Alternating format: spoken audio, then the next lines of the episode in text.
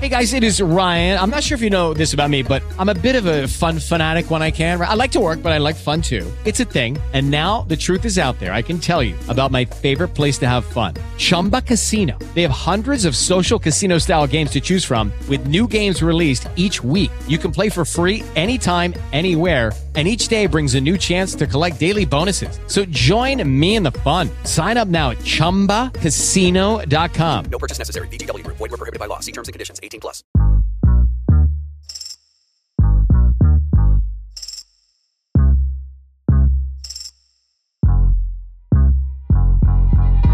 Hello and welcome to Bites and Bits, a deliciously cheeky podcast where the worlds of cuisine and comedy collide. Hosted by two professional comedians, that's us. This podcast invites you to share a meal as we talk about food, comedy, and everything in between. Hisham, my friend, I had to say that to prove it to everyone, to, to prove it to everyone that you're my that you're my friend. Yes, hello, fellow work acquaintance. No, Hisham, we talked we talked about this. We don't want people to realize we're like the boy band of podcasting. Simon Cowell moneyballed us together, and I, I hope it works. I really do hope it works. Uh, I just have to get over you being you, and I think we Great. can make this happen. Okay, let's. Uh, I'm just gonna follow the script. Okay, uh, check in. Matt and Hisham off the cuff check in with each other. All right. Well, what's your off the cuff check in today, Matt? Well, I want to tell you about the fish I've been catching. I'm, I'm fishing now. Yeah, like one of my new hobbies. is this a euphemism, No, I'm, or are I'm you putting physically I'm putting a fishing, rod into the water with a line on it and bait and pulling out fish. Yeah, last week I went on a little bit of a, a little fishing trip, and uh, uh, collectively, my buddy and I caught 50 fish, which is fifty fish. yeah, it's a lot of fish, including uh, two two extremely large fish. Uh, one of which uh, there's uh, photo evidence on my Instagram, so there's proof. Nice, I nice. caught like a two pound bass, which is a pretty big. It's a pretty big bass. It's like it's it's big enough that it looks impressive on Instagram, and uh, I cooked that native for dinner. And then I also caught like a 31 inch five pound pike. And uh, there's no evidence for that, so I will be roasted for years because that, that one just is a fishing story. But it happened. There's three witnesses. They're not on the podcast with us, so that's uh, that's. Please tell me everything. Are you a fisherman? Is this a new hobby? Did you learn things? What was your fishing rod? Did you stab the fish or club it to death? Please tell me everything. Well, yeah, we're gonna get people really in the mood to eat when I talk about yeah, killing and gutting a fish. But uh, since you asked, uh, it's a new hobby. I have been doing it for about a year now. Um, yeah, so it's come up sort of during the pandemic. But for me, I I really love knowing where my food comes from. As you know, like I know the farmers where I buy my food.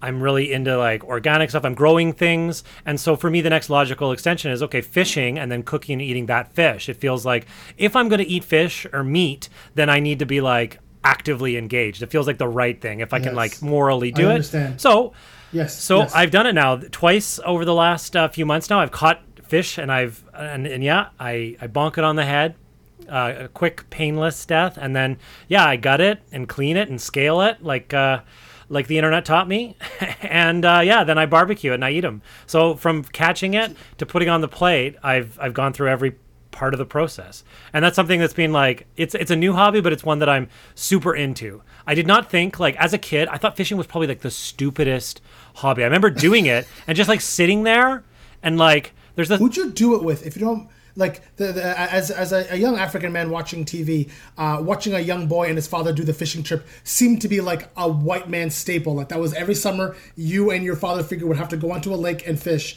Was this not something you did growing up at all? So- like you only got into it now? So, funnily enough, my dad, I think he really enjoyed fishing, but I cannot remember even once my dad catching a fish. And I'm so sorry, Dad, when you hear this episode, but you know it's true.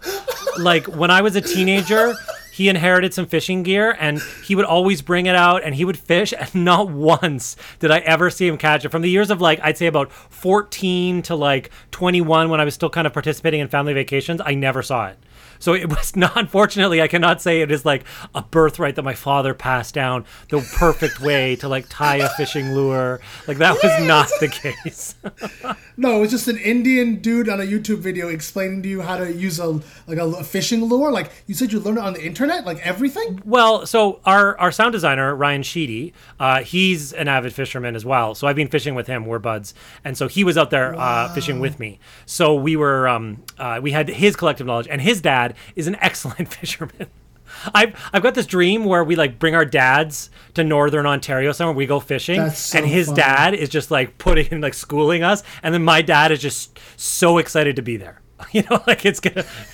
I was gonna. Say, I thought you were gonna say Mr. Mr. Sheedy and Mr. Malin are gonna team up, and he's gonna teach your dad how to fish, and like they have the father son moment. Oh my god, it's true. Like he'll he'll have it. He'll have it with Ryan's dad. That'll be amazing. And like, did you go out of, of Toronto to? I'm assuming. Yes. Fish like you didn't go to Lake Ontario and eat their nuclear irradiated three-eyed fish, right? No, what's great about yeah fishing in Lake Ontario is that you can catch a fish with three heads, so it counts as three fish, right? so it's good. no, that's you can. There's definitely actually good fishing in Lake Ontario for sure, and world class fishing around on, uh, Toronto. People don't do it as much, but you can. But Ontario has so many lakes. So I went to this little lake called Sharbot Lake.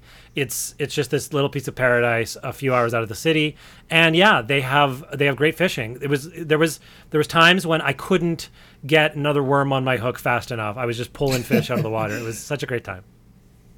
And uh, you mentioned before that uh, did you learn on the internet what like you said scaling and like gutting the fish? Mm-hmm. Did you literally just watch YouTube videos on how to do it and then actually do it? Yeah, yeah. I mean, so I go to I, I go to a couple fishmongers in Toronto. Um, so I've seen them do it a little bit before, and you know, I, I had there were other times in my childhood where I was with people who were better fishermen than my dad that caught fish, and uh, and, and um, they would uh, I've I've seen it happen before, but I'd never done it until this this year. And so yeah, I watched the YouTube videos and they took me through the whole process and it worked. I did it. So yeah, I can I can I can do it with bass. I've only done it to bass now. We got a lot of bass in Ontario. That's the only thing I've caught and ate. But I'm hoping that uh, there's other fish over the course of my uh, newfound hobby that I will be able to do that with. That is awesome. I am very jealous, and uh, I'm going to the cottage in a couple of weeks uh, for a week, and apparently it's great for fishing. So I was going to Amazon myself a fishing pole and try, and now I actually have someone to lean on. When you get early morning Sunday uh, sad texts from me asking you to teach me how to fish over FaceTime. We will for sure do that. Yeah, I will. I will both help you and roast you all at the same time. that's that's my plan, which sums up our work relationship. Yes, I, uh, I hope that uh, our producer uh, Aaron Conway pulls out that exact uh, specific take, just because I want the quotation marks on the record. Okay, yeah, please use that. Friendship, So working relationship. So we've got um, a very special guest joining us today, and all of our guests are special. That's why we say it, right? You know, we, we don't lie. If we were, we don't bring on regular guests. That is that is the the quality you're going to get when you tune in to Bites and Bits. You're going to get special guests. Elite. Yeah, Tier one. tier one guests, Premier top shelf guest. not just your average day old guest from the supermarket. No, no, no, no, no. This this flew in overnight, international, very fancy VIP. Uh, Hisham, we had to pay border dues for this next guest. this week we are joined by a very special guest. She is a stand-up comedian, podcaster, writer, and producer who is the brainchild behind the queer comedy franchise Comic Sans, or Sans if you're fancy. She produces shows throughout Southern Ontario, and she's one of those people who tastes soap when she eats cilantro, and we will get into that. A round of applause for our guest, the one, the only, Alice Rose. Hey, hello, hello. Is this thing on? Hi. Oh, once a stand up, always a stand up. yeah. So good to be here. So how are ya? Great. I'm glad my I'm glad my cilantro fact made it into the intro. I'm really really proud of that. It's officially a character-defining trait of you. Yeah, for the for the for the sake of this podcast, absolutely. It's one of two major things people should know. Exactly. You're amazing and you hate cilantro. Yeah. Those are the two most important things. You're our first guest who has the uh, cilantro tastes like soap uh, gene, I guess. That's great. I I love that there's one more characteristic to define me as a middle-aged white woman. as like But how much cilantro is that? Is is there cilantro in it or cilantro on the side? I actually I have a love hate relationship with cilantro because I love Latin food and I love um I love like Korean food and it's just and Thai food and it's all in there. It's like it's there everywhere. So I try to tolerate it as much as I can. But like if there's too much, like if I get a banh mi and there's a whole like cilantro Like a stick of it, yeah. like a tree, like a tree, like a cilantro tree laid onto the thing, I, I'll have to pick it off and like take a uh, put a few pieces in. Do you ever get any pushback? Do you ever get any pushback from them when you ask them to either remove or make without the cilantro? Not to my face. I mean, I'm sure, I'm sure it's there. I'm sure, I'm sure it's there, and I don't blame them because I know who I am. But uh, no, people are generally kind with me, and I try to be like, I'm, a- I got the gene. Like it's, it's a birth defect. I know it's. It's a birth defect. I was born, yeah, I was born with uh, with a different chromosomes, uh, a bit of a tail, and the cilantro gene. That's it. She's got it all, folks. She's Coming got it all. Fall 2021. There's a society of people. There's like there's like a people a, a training program for people that dislike cilantro but want to like it. There's like there's like like an immersion therapy um like group that you can go online and learn about. I was listening to a podcast about this where there's people that like want to like it and they're trying to taste it bit by bit and desensitize themselves to it. So because I it's for people like you, Alice, who love that type of cuisine but like cannot stand the taste of it. And there's some people that have actually been able to acclimatize themselves to the taste. There's success stories if if that's your framework of success. I love that. Fr- uh, like pray the aftertaste away. It's like a like a cilantro conversion therapy camp. I love Yeah, I guess I mean it, it, it. Now that you say it, it feels like it should be illegal. Like when you frame it that way, but but no, but like, it exists. It's a thing. it's- Google it, for, friends. for taste and allergies. I know there's a Mm-hmm. lot of experimental allergy, um, like acclimatization and things like that going on too. That like, I don't I don't know much about it, but I know that it's a thing. And why not cilantro? well, don't worry. There's no fact checking on this podcast. Zero, Zero. zero Zero. fact checking. So We're proud of Yeah, that fact that we don't yeah. actually review our facts. It's it's the only fact that we have reviewed. However, you shouldn't trust that that fact is a fact. At so all. that's basically that's that's the catch twenty two of the whole thing. Perfect. In that case, I cured my peanut allergy by taking a bath in peanut butter and uh, just fighting through it. You know, just just bite on a belt. Okay, now this this is pushing it. Just swell up. this is pushing it even further than we have before. Uh, so, Alice, we invited you here to chat with you, but also to eat with you because at Bites and Bits, we always share a meal with our guests. So, um, I would invite you to open up your food because we're going to do our first segment, which is called First Bites.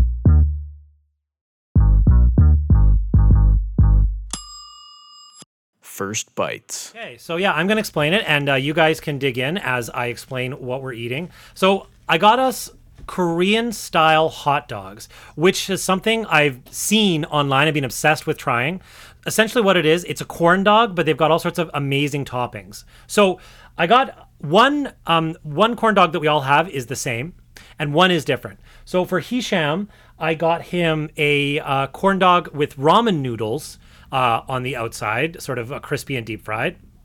And Alice, I got you one with mozzarella, a corn dog with mozzarella included in it. And then for myself, I got one with potatoes on the outside. Uh, which makes it kind of look like the thing, that Marvel character, the thing, this corn dog, which uh, I'm here for. And then the other one I got all of us is called uh, what? Oh, it was great. It has a great name. It was the um, the super or the crazy. What, what was it called? Hold on, I'm just gonna check right here. It was called the oh yeah the the crazy core dog.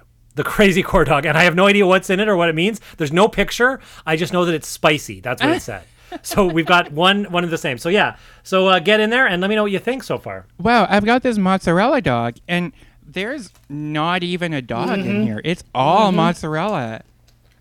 Bless. Oh, it's straight cheese. Oh, you're straight mm-hmm. cheese in it. Oh, amazing. This is just a huge cheese stick, and I couldn't be happier. oh, you know me so well, Matt. All right. We also have an assortment of sauces. there is six different sauces, and as a sauce man, Hisham, what are your feelings? Let's let's get into this. I know you got feelings about sauce. Well, already no, there's nothing ba- like a bad. There's no there's no such thing as a bad sauce.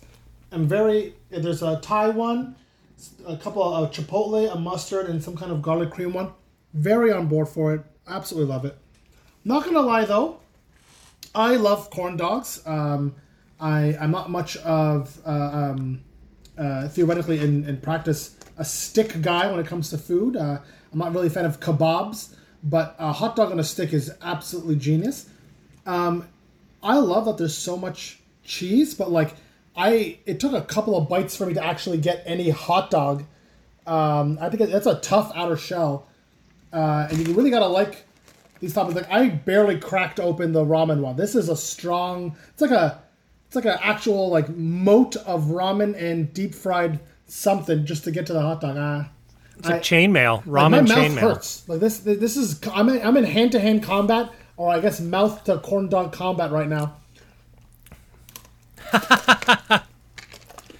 Yeah. Well, and I know that you can fit a lot in that mouth of yours. Like I have seen it happen, and so the fact that maybe this corn dog is beating Hisham is significant. I don't think Hisham has been bested in terms of like mouth to food combat yet. So this would be a first on the found podcast. a worthy adversary.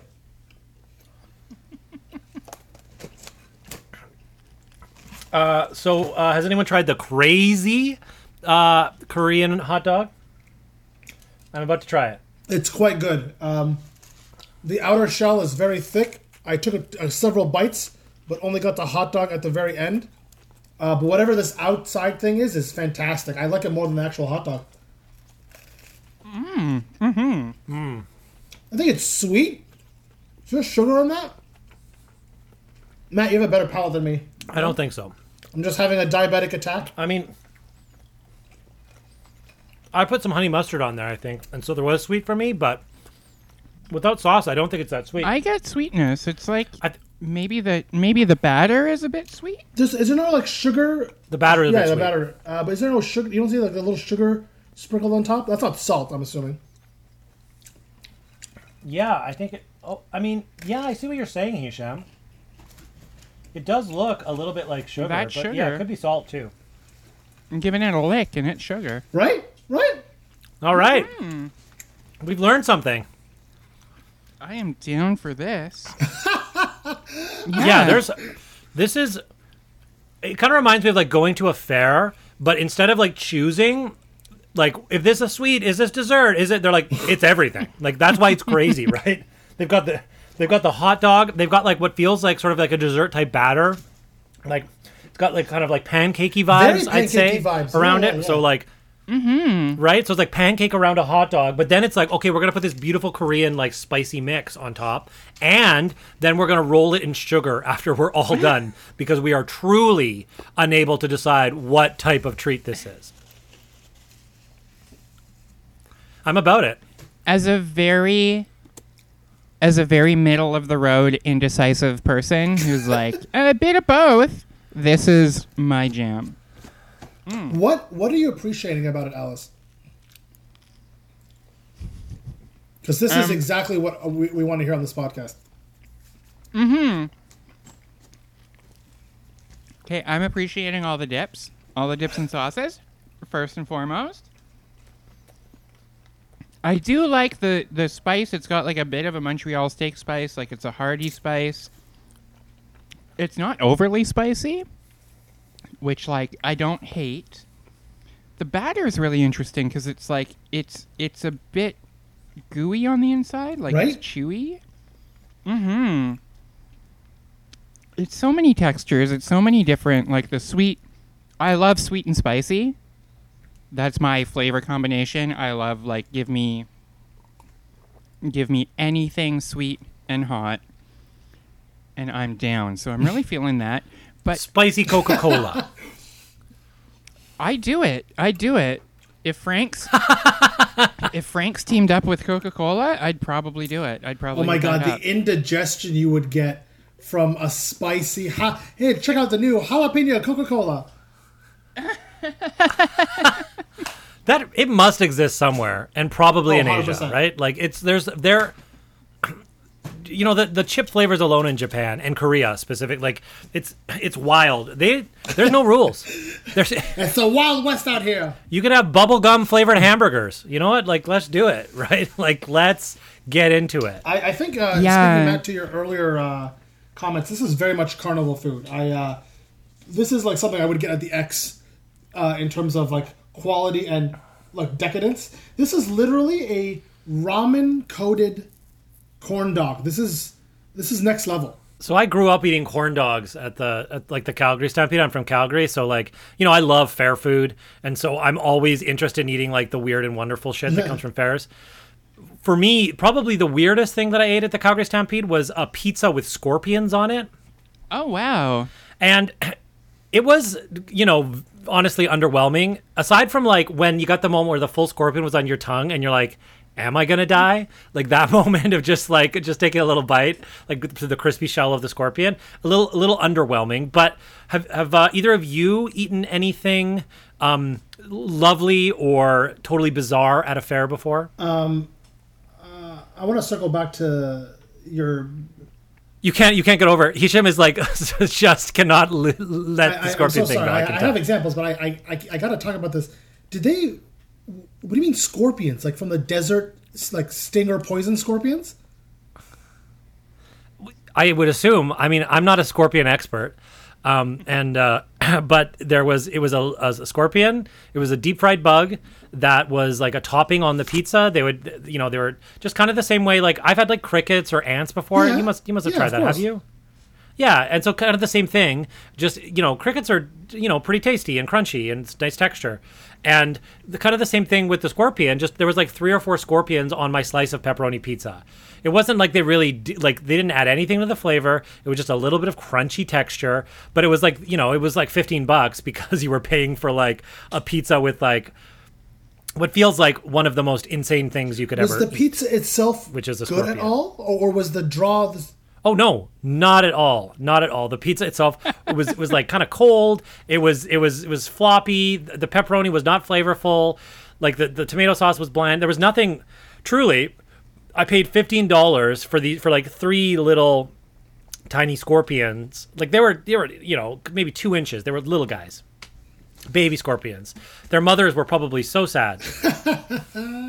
all right, well, you know that that seems like like I I'm maybe a traditionalist when it comes to fair food because like Not eating scorpions? well, listen, I'm not against not eating scorpions. I'm very pro eating bugs, but in terms of like you know carnival food, like I'm going to the the the X. I'm, I'm, I'm actually going to CNE. Like eh, eh, in Ottawa, we have the X. Here we have the CNE. Like it's actually like a proper carnival festival. I want carny food, and like for me, tier one like funnel cakes. That's not anything I can get anywhere else. And I'll eat, which is basically just deep fried brown sugar, flour, butter, and like pouring so many just more sugar on it, just so I'm slow and sluggish, like a 40 degree hot day. So that's what I want. I want to eat like pancakes in like a cone shape. Uh, what was my favorite ones? Um, uh, favorite thing I've ever had? Deep fried banana. I've never had one other than at the CNE, and that's all I wanted to eat. It was the most incredible thing I've ever eaten in my whole life. Just a deep fried banana on a stick. That's like what I want to go eat. Like scorpions. Give me a deep fried banana. Here's my hot take. It might be the first on the podcast. Cold banana, room temperature banana, absolute garbage food. Hate it. Cannot stand the taste. You heat up that banana, you warm that up, you, you do a banana flambe, you do a deep fried banana, banana tastes amazing. I love it. It's great. Warm banana is like literally it's like night and day. I, I, I will not if if there are bananas in the house and it's up to me, I'll just throw them right out. Like it's like that's it. Like it goes in the garbage Wait, for me. just but regular banana? If, you heat it up, banana bread, great. Yeah, regular banana, disgusting. You've never just eaten a banana? of course, I've eaten one, Hisham. Listen, I'm like I, I grew up in like like Well, suburban laughing, white like, uh, Calgary. just your- the way okay, saying yeah, yeah. Keep going, keep going. Yeah, like I was forced to eat them. People packed them in my lunch, and I was a hungry child. I ate everything that was put in front of me, and I was thankful for it. But I did not like bananas. Although now I'm sort of remembering this like strange situation with the bad daycare operator who would like make me eat the very bottom of the banana where the seeds are. You know the part you always throw out. She would like peel the whole banana, slice it in half, and at the bottom there's like hard seeds, and she would make us eat those and swallow them. I'm having this this this, this childhood flashback. So Save it for maybe there was therapy, like this traumatic Yeah, event. that was uh, that repressed Yeah. that repressed memory needs to be worked out by a professional, not on the podcast. But let me tell you, uh, bananas are fantastic. I don't know how you could have eaten a smoothie in the last thirty years and I'll have to have included a banana. And saying It is tough. When I go to Booster Juice, I have to pick the correct smoothie because pretty much it's in every one. Well, this is and telling me that bananas only taste good warm or cooked is the most uh-huh. deviant, disgusting. Like I'm gonna join ISIS nonsense I've ever. You even have the beard already. This is absolute like just I, in it the worst of takes. I you're this is the last episode. Alice, I'm so sorry. Uh, it has to end here. Like this, the facade cannot be maintained. I am shook. Hisham, Hisham, you can dish a hot take, but you can't Yeah, receive one. shook. Wow. Okay. I, I see how it is. I'm a little. I see Matt, how it is. I'm. I'm. I'm. I'm a little concerned. I don't know how to tell you this, but I think someone's been feeding you plantains this whole time. That's so funny. this entire time. Yeah, bananas are starchy and bland. I don't know what. Are you eating They're them so green? hard to bite Are you through. eating them green? Like, do you wait for them to ripen? They're turn, supposed to turn you yellow. pe- you know that, right? No, I don't. Do you I, I don't. peel them? I don't wait. I don't wait at all. I just avoid altogether. I I this is bro, you're a chef and you're eh, like I I don't I like I don't, I don't know. This is like a doctor being like, I don't take Tylenol. I don't believe in it. Uh, Tylenol needs to be heated up and uh, yeah, and, and put into a flambe and eaten. This is just nonsense. It's nonsense. Nonsense. Don't don't don't put don't let me in there. You're gonna be like accusing me of like being like an You're anti-vaxxer in a second here. I'm I can see where this is going. I am fascist. Okay. I can't get over this. This is just, dare I say it, bananas to me. I can't. I can't get I over wish it. you could. Can you please do a mic drop, please, please, for the love of God, please, Alice, do a mic drop. I'll have to take it off and then, and then I don't want to break it because it's my only. Okay, okay. Gotta catch did- it. there did we it, she go. did she did she dropped. Dropped a little mic. Yes. So today on the podcast, we're going to be talking a little bit about do it yourself. And Alice, I feel like you're the queen of DIY uh, in so many different ways. You uh, love cooking at home. I know you are an incredible producer. You know, you've started your own company and produced tons of shows uh, around Toronto. And also, I feel like you've also had so many different lives. You have a degree in architecture, is that right? Uh, three years towards a degree in architecture. Even better, even better. So, like, I didn't even do it for clout. I was just. That's really funny. I was like, I got what I needed. I can take it from here. So you know, for me, I I love I love the DIY thing in the kitchen. I'm a passionate home chef, and I've talked about before on the podcast here. And you've seen it maybe if you've uh, checked out my uh, Instagram, Improv Eats.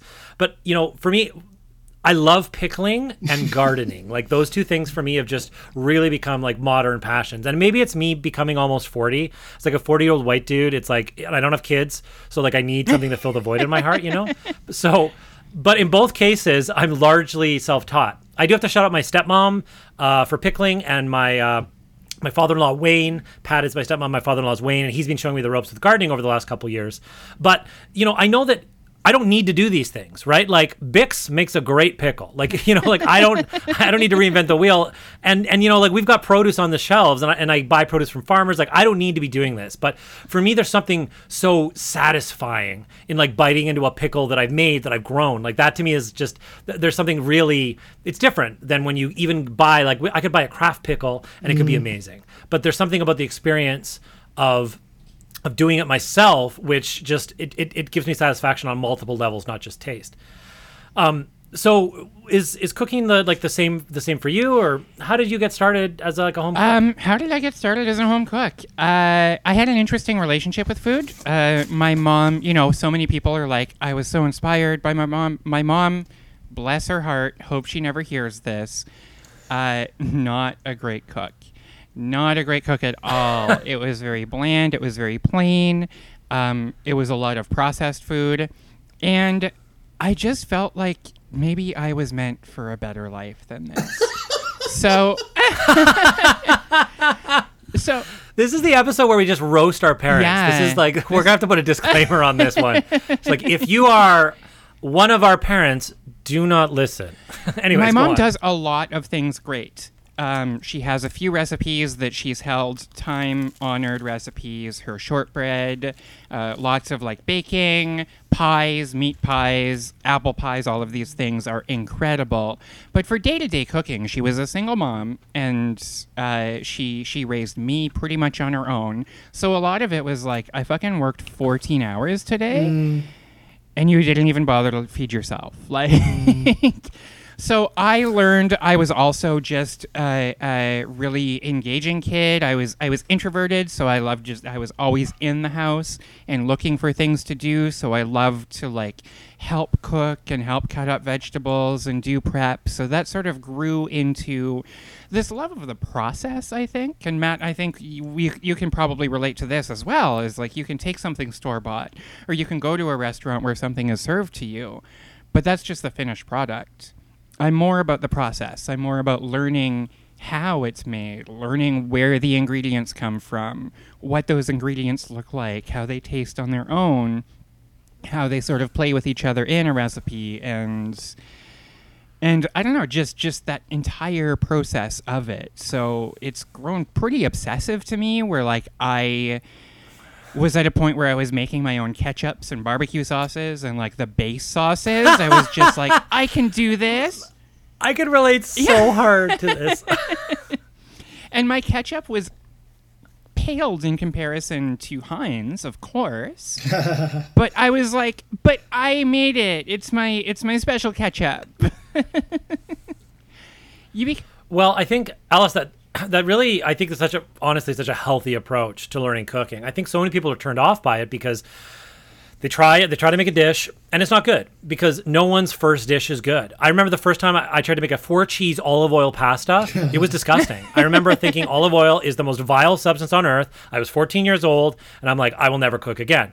But I think a lot of people really they want to make something to be great right away, but so they, they get turned off. But if you view it as the process of uh, you taste as you go you experiment. You know it is it's a place where regular people do science every single day because cooking is science in action you transform ingredients chemical reactions happen food is you know food changes from what it was into what it is you know like like like a, a, a hamburger that you fry is literally different molecularly than a hamburger just sitting raw on the counter right so we're doing science but people don't see it that way people see it as like i've got to get it right if i don't get it right i might as well just get uber eats That. you know?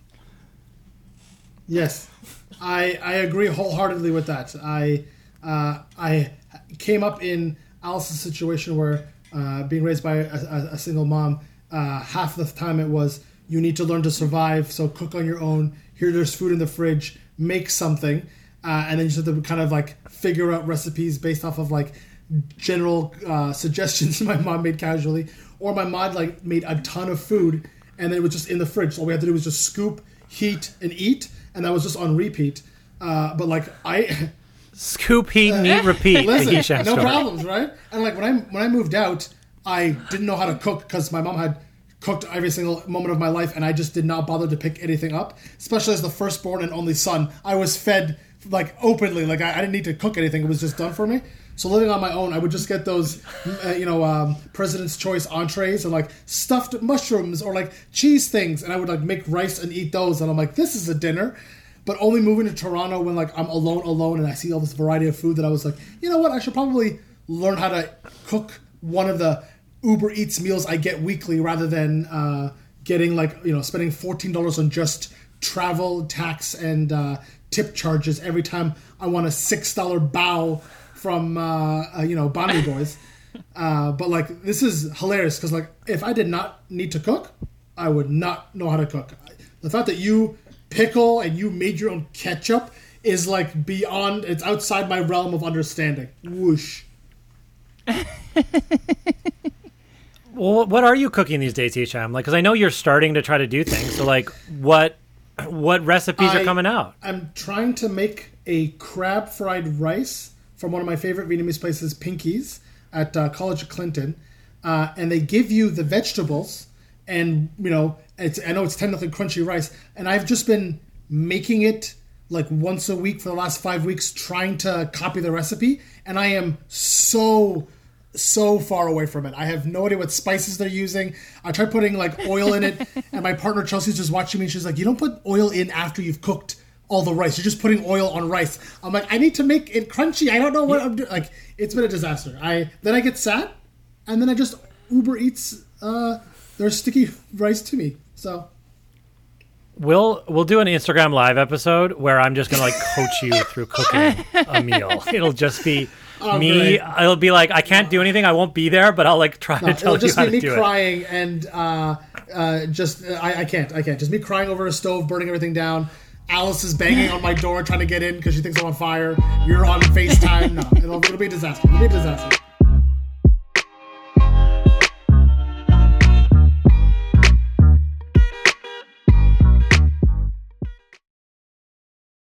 Judy was boring. Hello. Then Judy discovered ChumbaCasino.com. It's my little escape. Now Judy's the life of the party. Oh, baby, Mama's bringing home the bacon. Whoa, take it easy, Judy. The Chumba life is for everybody. So go to ChumbaCasino.com and play over 100 casino-style games. Join today and play for free for your chance to redeem some serious prizes. chumba ChumbaCasino.com. No purchase necessary. Void where prohibited by law. 18 plus terms and conditions apply. See website for details.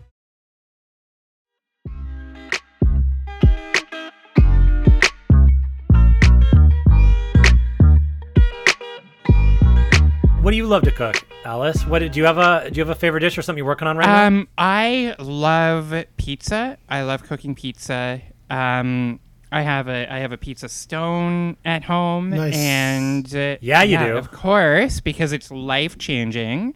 And I just love playing with those Absolutely. elements, like how do you play with the crust? How do you make the sauce? Um, I don't often do it now because I'm busy, but like even making the mozzarella and doing a bit of like basic cheese making Shut and up. everything. Oh my god, Matt, we should make cheese sometime. It's so much fun. ah, I could do you had me at mozzarella. I could do ricotta, mozzarella, bocconcini, all the like fresh farm cheeses. Um, oh my god, I can only do ricotta. paneer, You're blowing my paneer. mind. We can make some paneer, some like fresh paneer for a curry. Ooh, yeah. And uh, n- not to backtrack, but I, I just have a pizza follow up question. You mentioned before Yeah. that the actual crust is just like the base and then everything else is an expression. But in terms of the actual crust, what kind of dough do you use? And are you a fan of thin crust style versus thick crust pizza? Because that's my pizza question I have for everybody. Ooh, absolutely.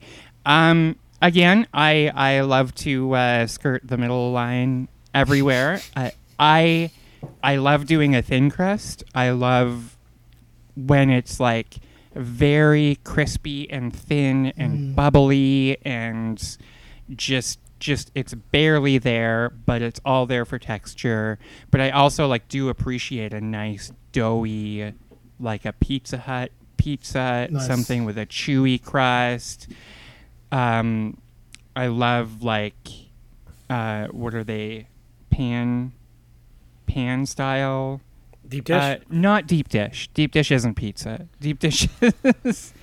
Wow. I'm- It's a casserole. I'm It's a sorry. casserole. I'm Yeah, sorry. agree. Yeah. Words. Okay.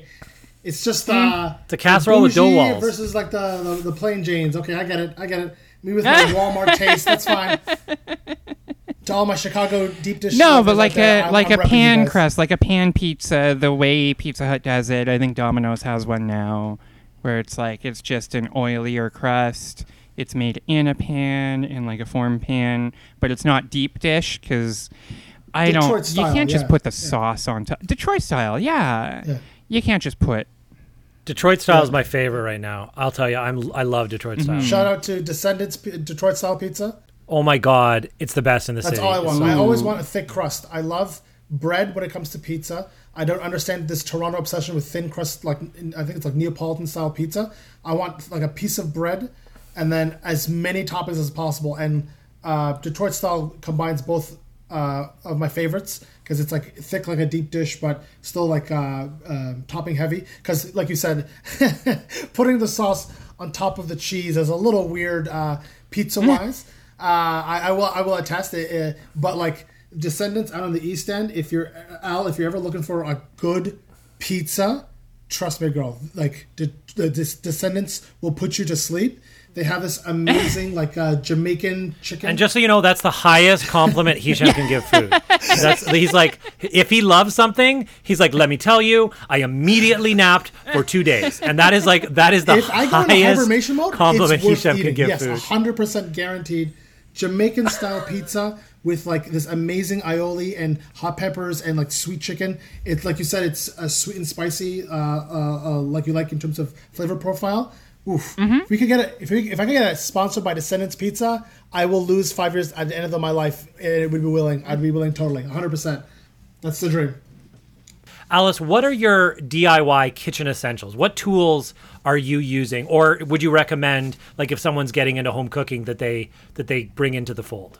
What tools do you need? Um, just okay. This is gonna sound so pretentious, but uh, a chef that a chef that I worked with and who taught me a lot um, told me, "Give me a sharp knife and any heat source, and I can make you a good meal." So I believe in that. Like, it's all about the knife because knife is efficiency. It's about shape. It's about uh, shaping and forming. It is just the one tool that you absolutely, absolutely need. As for other, ki- Chef's knife. a chef's knife, right? yeah, yeah. Um, So that's it for the uninitiated. It's like one of those sort of like it's like a uh, it's a longer knife, probably somewhere between like eight to eight to ten inches, maybe twelve inches even. Usually, it's got one distinct blade, and the best chef knives they allow you to rock a little bit too. They're a little bit curved, so you can you know you've got a pointy tip, and then the back is a little bit curved, so you can um uh the tip is a bit curved, so you can rock back and forth, which allows you to do different things. So that's a chef's knife. If uh, if people out there aren't aren't super uh, super into uh, knives like Alice and I. also a stand mixer because I mean nobody wants to wait. Hisham, what about for you? Is there anything you can't live without in your kitchen? Um, my cutting board, my good knife, and the several bowls I use to soak all the vegetables. I am a utilitarian uh, when it, uh, when it comes to cooking. So I have like a deep pot, a smaller pot, a large frying pan, and a small frying pan, two knives, a cutting board, a large wooden spoon, and several bowls, and that's all I need and or use. So I'll throw I'll throw one out there. Uh, kitchen essential, especially for a new Yes, cook. I think that a good instant read thermometer is so important. Yeah. So this is so that just means that like you've got a, like an electronic uh, an electronic um, uh, thermometer, like a meat thermometer that you can put into meat usually. But it tells you really quickly what the temperature of the meat is, or other things too. You can put it into oil, you can put it into other things. But that's how you can. That's how if you want to learn how to cook meat, it's really about taking it out at the exact right temperature. And if you do that, you pretty much can't screw it up. So that is that is something. Also, you need it. You know, when you're doing candy, when you're doing other sorts of things. So there's bread even. Uh, an instant read thermometer. You can tell you if your bread's done. You can you can know so much about if your food's going to be delicious and moist, or if it's going to be like rock hard and terrible. And a, a good thermometer that can uh, that can really make or break your cooking, and it just helps you learn. Like I don't always use it. Like I, I know enough. I can touch touch food or smell it, or like I I've used I use all my senses in cooking, but that's because I've been doing it for so long. But a thermometer, I wish I would have had a thermometer early on because I've screwed up so many dishes because I've overcooked it or undercooked it, and you can save yourself a lot of trouble with. This thermometer. is that is a completely like amazing piece of advice. Uh, but you're also talking to a guy who uses an air fryer exclusively to cook everything. I'm like, you know what? All I gotta do is press the chicken button and it comes out moist and hot. So I'll, I'll do it. Like this, it's so funny to. There's a bread option. There's a steak option, and I'm like, you know what? If if I didn't have this thing, I'd buy like three thermometers and use them one for each type of food. But my gosh, all my problems are solved by the air fryer. I I, I know it's a very you know uh, lower middle class uh, uh, uh, appliance to get in terms of like I made it, mama.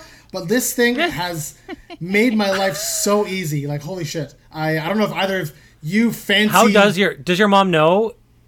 Does your mom know you have an air fryer? And how My does mom she does feel not know about I have an air fryer. Uh, she thinks I use the oven like a real man, uh, and I will never tell her otherwise. uh, I use an air fryer, and then like I put it. It's like I, I do like multiple vegetables one after the other, because depending on the mode, uh, you know, potatoes are longer than the broccoli, and then I just put it in the oven to keep roasting so it's still hot after I've like cooked it, uh, the the chicken or like the, the protein or the like the steak, and then I'll take a video of just just me on my phone real quick of like me reaching in with the oven glove like the uh, oven glove that my mom bought me for Christmas pulling it out and she's like I sent her a little video of like look your your your little boy's cooking! And then she has no idea that and then air fryer did all the work. I just sprinkle some garlic salt That is so some oil click the broccoli button easy peasy. And you take the credit for it? Ooh, a hundred percent Alice. A hundred percent. I love that for you. This is this is truly this is absolutely the episode that our parents stop listening. Like this is the last one that they're going to hear. They'll be like, "Well, Our they're children just betrayed us." verbally, yeah, they're we just gave them us." everything, and for what?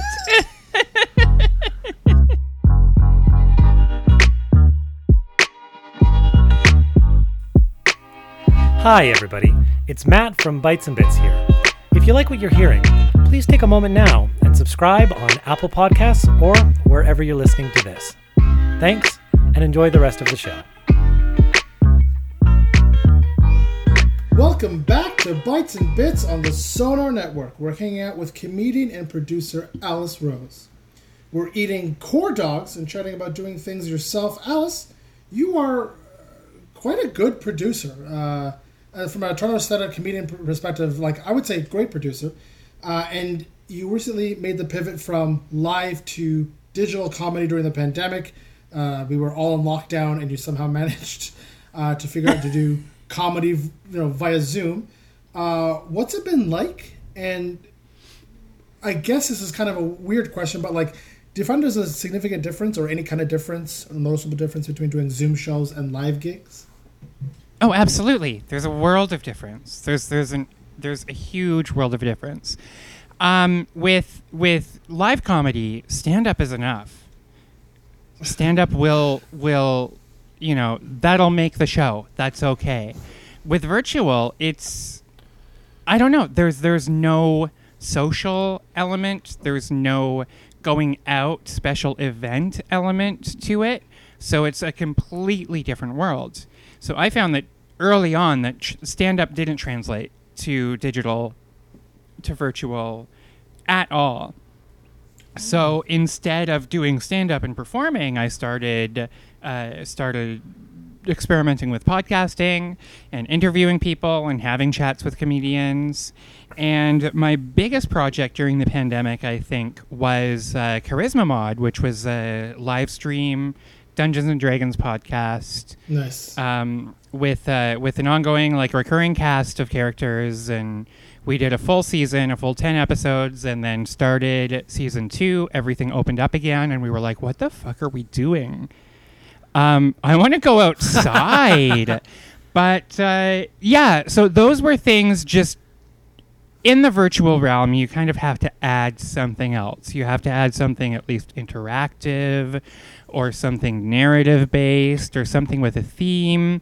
So that's what I tried to focus on. Uh, getting back into stand up, um, I. Uh, I produced and launched uh, the Breakout Room, which is a comedy competition. Uh, so a virtual comedy competition, and we're uh, we're actually doing the final show, like the showcase, where we choose our top three winners. Uh, we're doing that live at Comedy Bar, but also streaming. Uh, we're streaming some of our talent in to be projected, and we're also streaming the show live to YouTube. So that's where I'm really interested right now about how you can take how you can take live entertainment and make it a little more inclusive and a little more accessible um, to people who not only might not be able to get down the stairs of comedy bar but not be able to afford a ticket or not be able to leave the house and leave their children or something like that. So so to open the world up a little bit and play a bit more with multimedia so that we we aren't just relying on live and then tapings. And we're playing in that little in Yeah, I think that's- I think that's so important and so smart. And I mean, that is the accessibility piece of getting comedy to people who a couldn't access it because of you know physical limitations or or any sort of like not just disabilities but also the, like limitations of if they live in Whitehorse right or if they you know if if they live in other even you know less less remote communities um, but anywhere in the world, right? People can tune in and watch a show. If they're in, you know, if they're in Cincinnati, they can tune into a Toronto comedy show. You know, and I and I think I that is something that was uh, uh, like that is something we've learned that I think that hope that can really that could really like boy comedy in general. Like this idea that we can now and should be thinking about connecting with audiences all over of all different you know of all different you know types and backgrounds and and um, and lifestyles and we can do that now because of the digital piece so it's cool to see that you're really being a again another i feel like you've like pioneered so much in your career and that just in another way you're on the front lines of figuring out like this sort of digital comedy revolution which i think is amazing Right. Thank you. I'm really proud of that. I, I've learned so much. Like I, I don't see myself as a pioneer. I see myself as somebody who's like trying to trying to bandwagon because I see so many people like uh, uh, talking. Well didn't pioneers bandwagon you know what i mean like weren't there wagons i feel like it's Get- really in the get out. pioneer We're realm done here. I love that. I love that. all right No, this, this has been is- bites and bits with that Chocolate. I love that. Great. Uh, yeah, great point. But I don't know. I just, yeah, I guess pioneers were groups of people figuring shit out together. Yeah, I'm a fucking pioneer. Let's do this.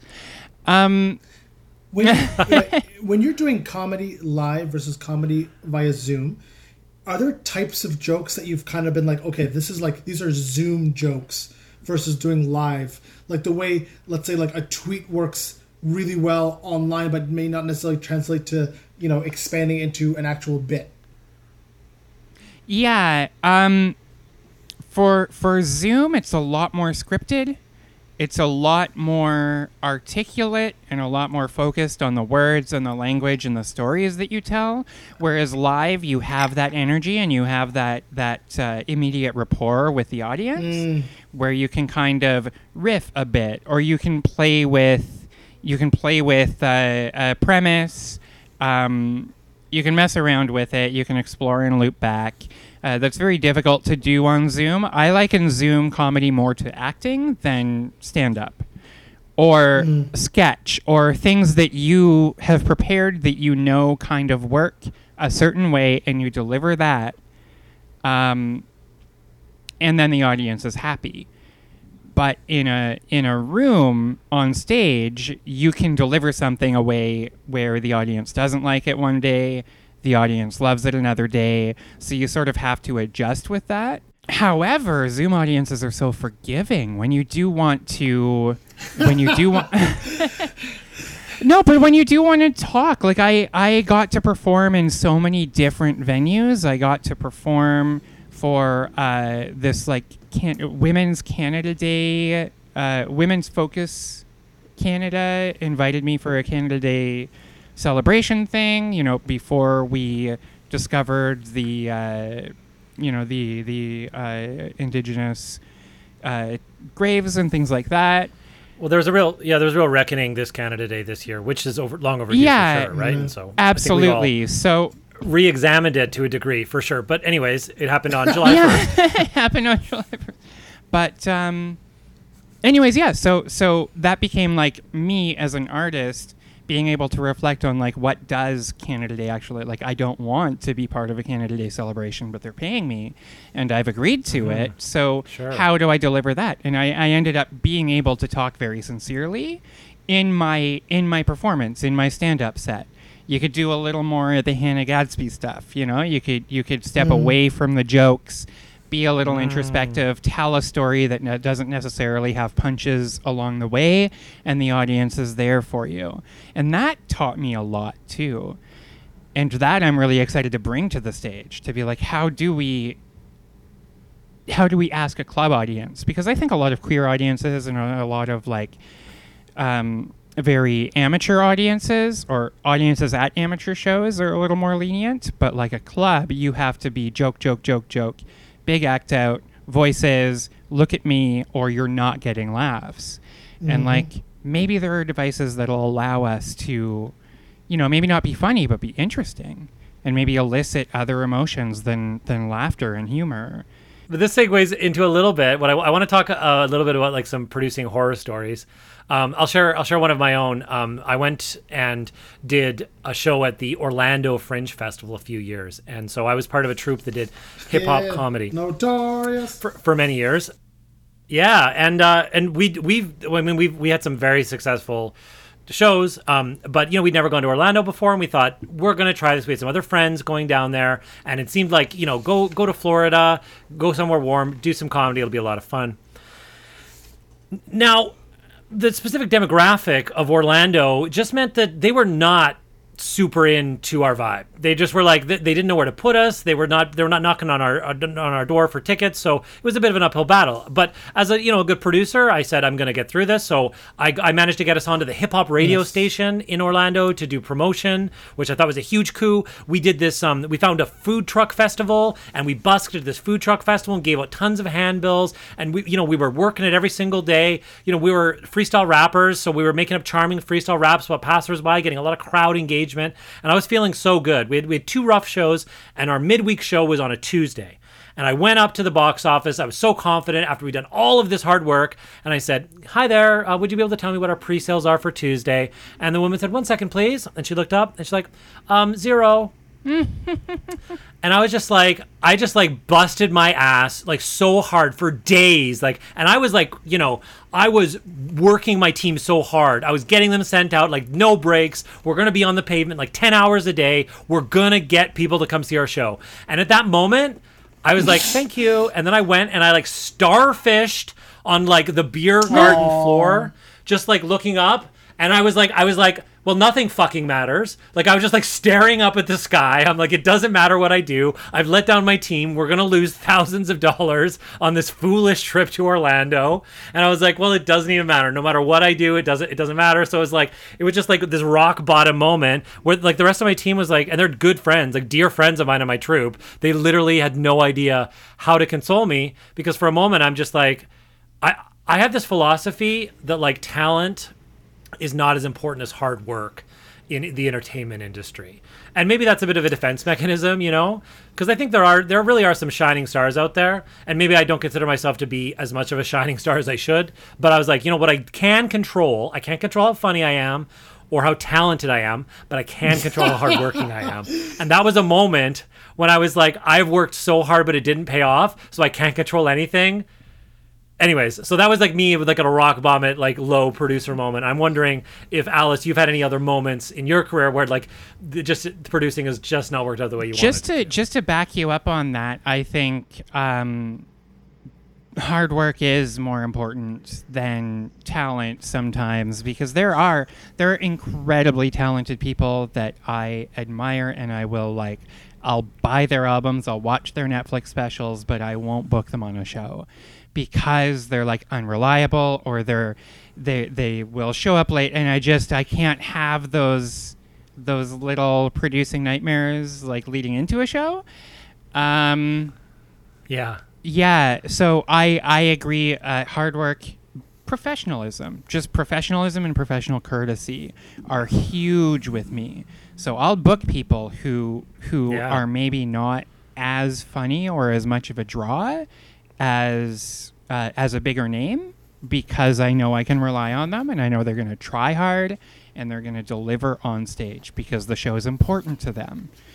Um, yeah, and I think that's that's something I really strive for for every show. That's why Elvira Kurt is my favorite my favorite name, like my favorite draw uh, to work with because she is she's there 15 minutes early. She's fucking Elvira Kurt. What does she have? yeah she's Yeah. she's like she's the real deal like she's a she's a a-list Yeah, talent right but, still I book her. I ask her if she'll do something for twenty dollars at Comedy Bar, like embarrassed tail between my legs, and she's just like, "Yeah, absolutely, let's do it." She's there fifteen minutes early. She stays, watches the entire show. Um, starts her set by remarking on kind of every comic on the lineup or like tying things in, doing a stellar performance. Maybe not keeping her time, but she's Elvira Kurt. So let her talk. Let her talk. I think she's and earned then it. she's there 10 it. minutes after until like you dismiss her and uh, that's something like i i have people who are c-list talent who are like i'm too busy for this put me up you know i'll show up there at 8.35 uh, i need to be on stage at 8.45 because i have another show to go to and i'm like really uh, the, the open mic at the groove bar is not that important like come on you don't need to get your reps in. Anyone can produce a comedy show. Anyone. Anybody can produce it, but nobody can. Like very few people can produce a comedy show, and I think that's important to make Yeah. a distinction. Yeah. And like I, I, um, I was fortunate enough to know a lot of great producers when I started producing. Um, so even when I lived in Kitchener Waterloo, just getting to work with uh, Tom O'Donnell and Ray Madge out there with Blackball Comedy, um, seeing Ty Wright produce an open mic at the worst bar you could ever you could ever step foot in. Um, all of these things, and then coming here, getting to work with Robert Watson, Susan Wasick, uh, Matt, yourself, uh, just learning like, oh, we can we can get like we can get uh, a musician in here and like actually have an MD and we can we can actually keep a recurring cast. Like I I didn't know you could book comedians for like the same show twice or something like that. I could I didn't know you could book talent I didn't know you could put sketch and stand up on the same stage so Oh, yeah, anything anything Mm-hmm, is possible. And you know that show. So that show that we produced together, Alice, it was a holiday show at Comedy Bar, which was so much fun. And Hisham was our host, so the three of us have that in common, which was so great. And w- one of my favorite moments is watching was watching Hisham bomb in front of kids, which was like so I beg to it was so funny to me. I was you were, killing it. I have no you idea what there you're was talking about. Bomb. There, there was a joke you told. I think it was like your nephew or something that had come and told you this is a good joke to tell, and then you're like, okay, I think this one's gonna go really well, and you told it to the crowd. It was some reindeer joke or something, and you told the crowd, and the kids were silent, and then you called them out for it. And you're like, my nephew said this would bomb. I thought you guys liked me. I remember just like seeing you like take it to the kids. And I'm just wondering, Hisham, like, what's the difference between bombing in front of kids and bombing in front of adults? I just, I want to know. As someone who I know has done both. All right, you know what? Bullying aside, we're talking about a lack of an ombudsman I can go to. Yeah, speaking of, um, I think the real difference is self awareness because children could not care less. Like, you know, like they, they didn't pay for the tickets, they're just there. Uh, I'm like, I'm just a large man yelling at them, and sometimes I'm fun and sometimes I'm not. And then they get some chips and go home. Like that's their whole. They have no life uh, to have lived, anything to pull from. They have no frame of reference, nothing. The- I'm just a very They can't put themselves in your. They have no Yeah. idea what's happening. It's like it's like a dog. Uh, uh, my partner's a, a dog walker, and she's she always makes me laugh because she comes up with these great dog things. Where she's like, "Im- uh, Uh, dogs must think elevators are like transporters because you go in one from like your, your your your floor, you come out in a brand new world, and then you leave, and then you go back using this transport. So I feel like that's what a kid like. You get driven to comedy bar on a Sunday afternoon. A, a, a large dude in a cardigan yells at you about not liking his joke, and then you go home and watch like Paw Patrol. Like that's that's just that's just another day. Like it's I, they, in twenty years they won't remember any of this. But adults bombing in front of adults, holy shit! Not only will adults have enough self-awareness to realize I spent this much money on this, I took this night off, I got a babysitter at home taking care of my shitty kids. This is supposed to be a fun experience. If I for any reason just die. Like i've caused the problem. I am an interference on their fun night. I'm a chat they're gonna have over dinner afterwards be like you know that shitty comedian ruined our date night and like i'm the reason they bond together and like they're the only ones who will come to me afterwards and say something about it. A kid will come up and be like thank you and give me like a hug but like a drunk entitled people that I bomb in front of, like just ruining their date night. will Be, you know, you're not funny. I'm like, thanks. Okay, I got that voice in my head already. Don't really need you saying it out loud too. Uh, but like, I, I would rather bomb in front of children a million times than ever bomb in front of an adult easily, easily. Well, Hi- Hisham, I, I wish that for you. I wish that you have another opportunity to bomb in front of kids. Um, and uh, I think this is a perfect time to take a break because we can just let Hisham ruminate in shame for a little bit. So grab another bite and uh, join us here for a little more chat with producer and comedian Alice you Rose. bastard.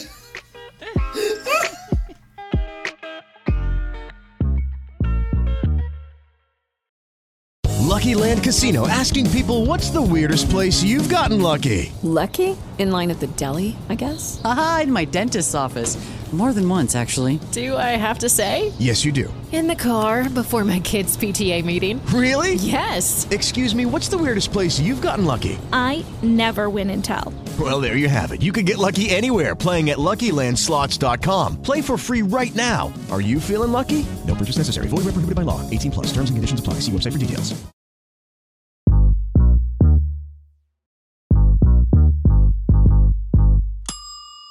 On this segment of the show, we're going to play a brand new game we're calling Flatline Food.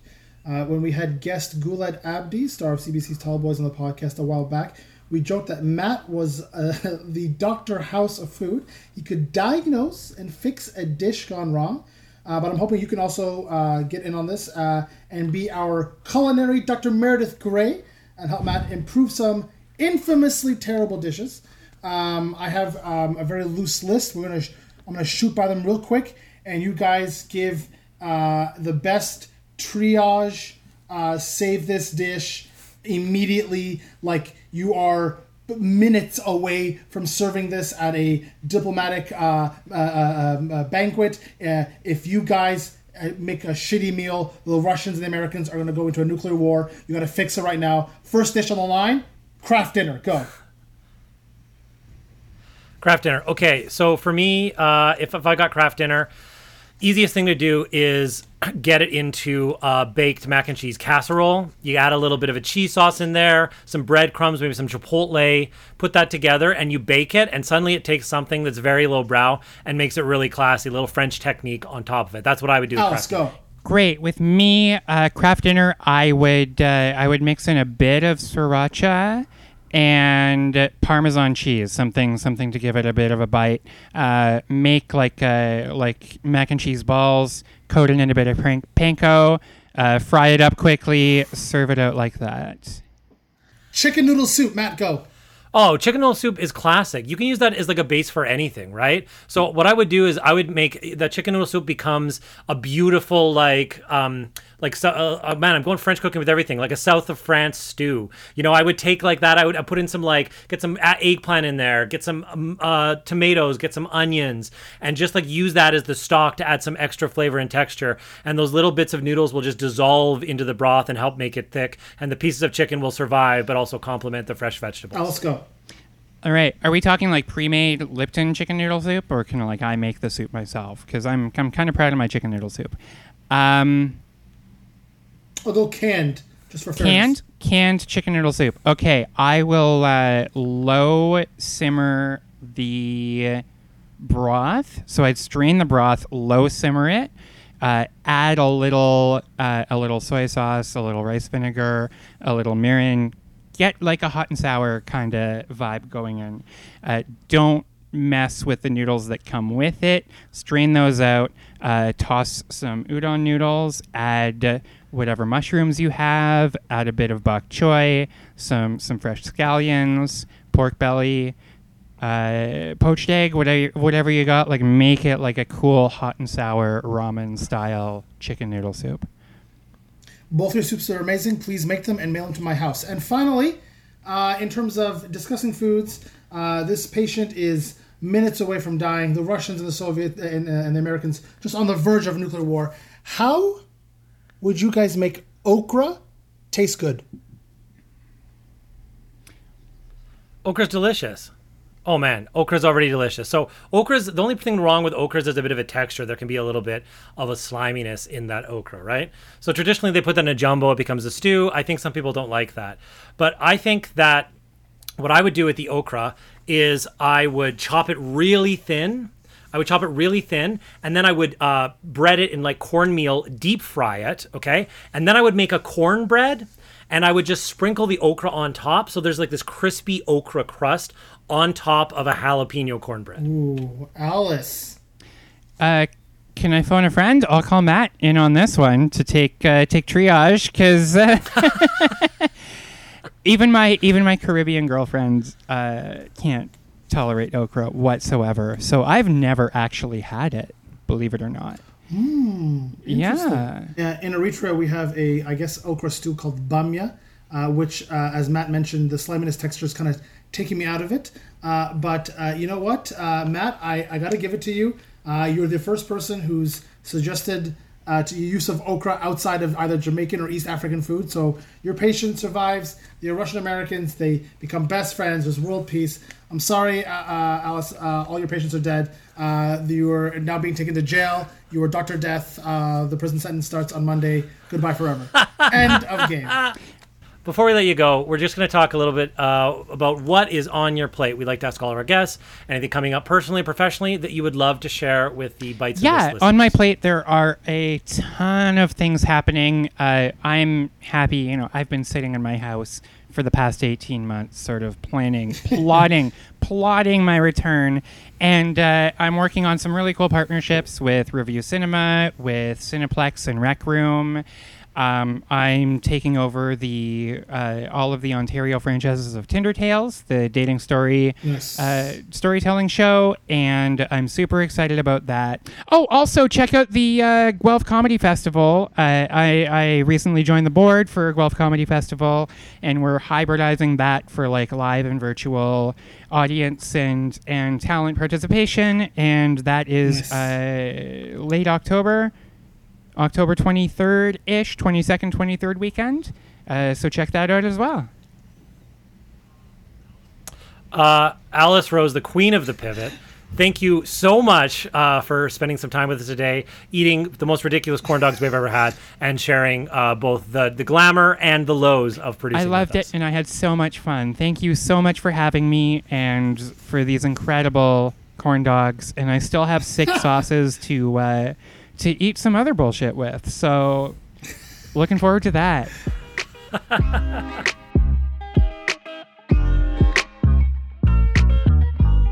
That's it for this week's episode of Bites and Bits. We want to thank a few people for making this all possible.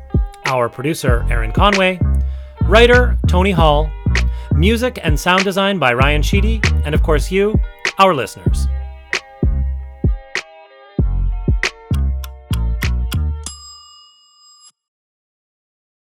Lucky Land slots, you can get lucky just about anywhere. Dearly beloved, we are gathered here today to. Has anyone seen the bride and groom? Sorry, sorry, we're here. We were getting lucky in the limo and we lost track of time. No, Lucky Land Casino, with cash prizes that add up quicker than a guest registry. In that case, I pronounce you lucky. Play for free at LuckyLandSlots.com. Daily bonuses are waiting. No purchase necessary. Void where prohibited by law. 18 plus. Terms and conditions apply. See website for details.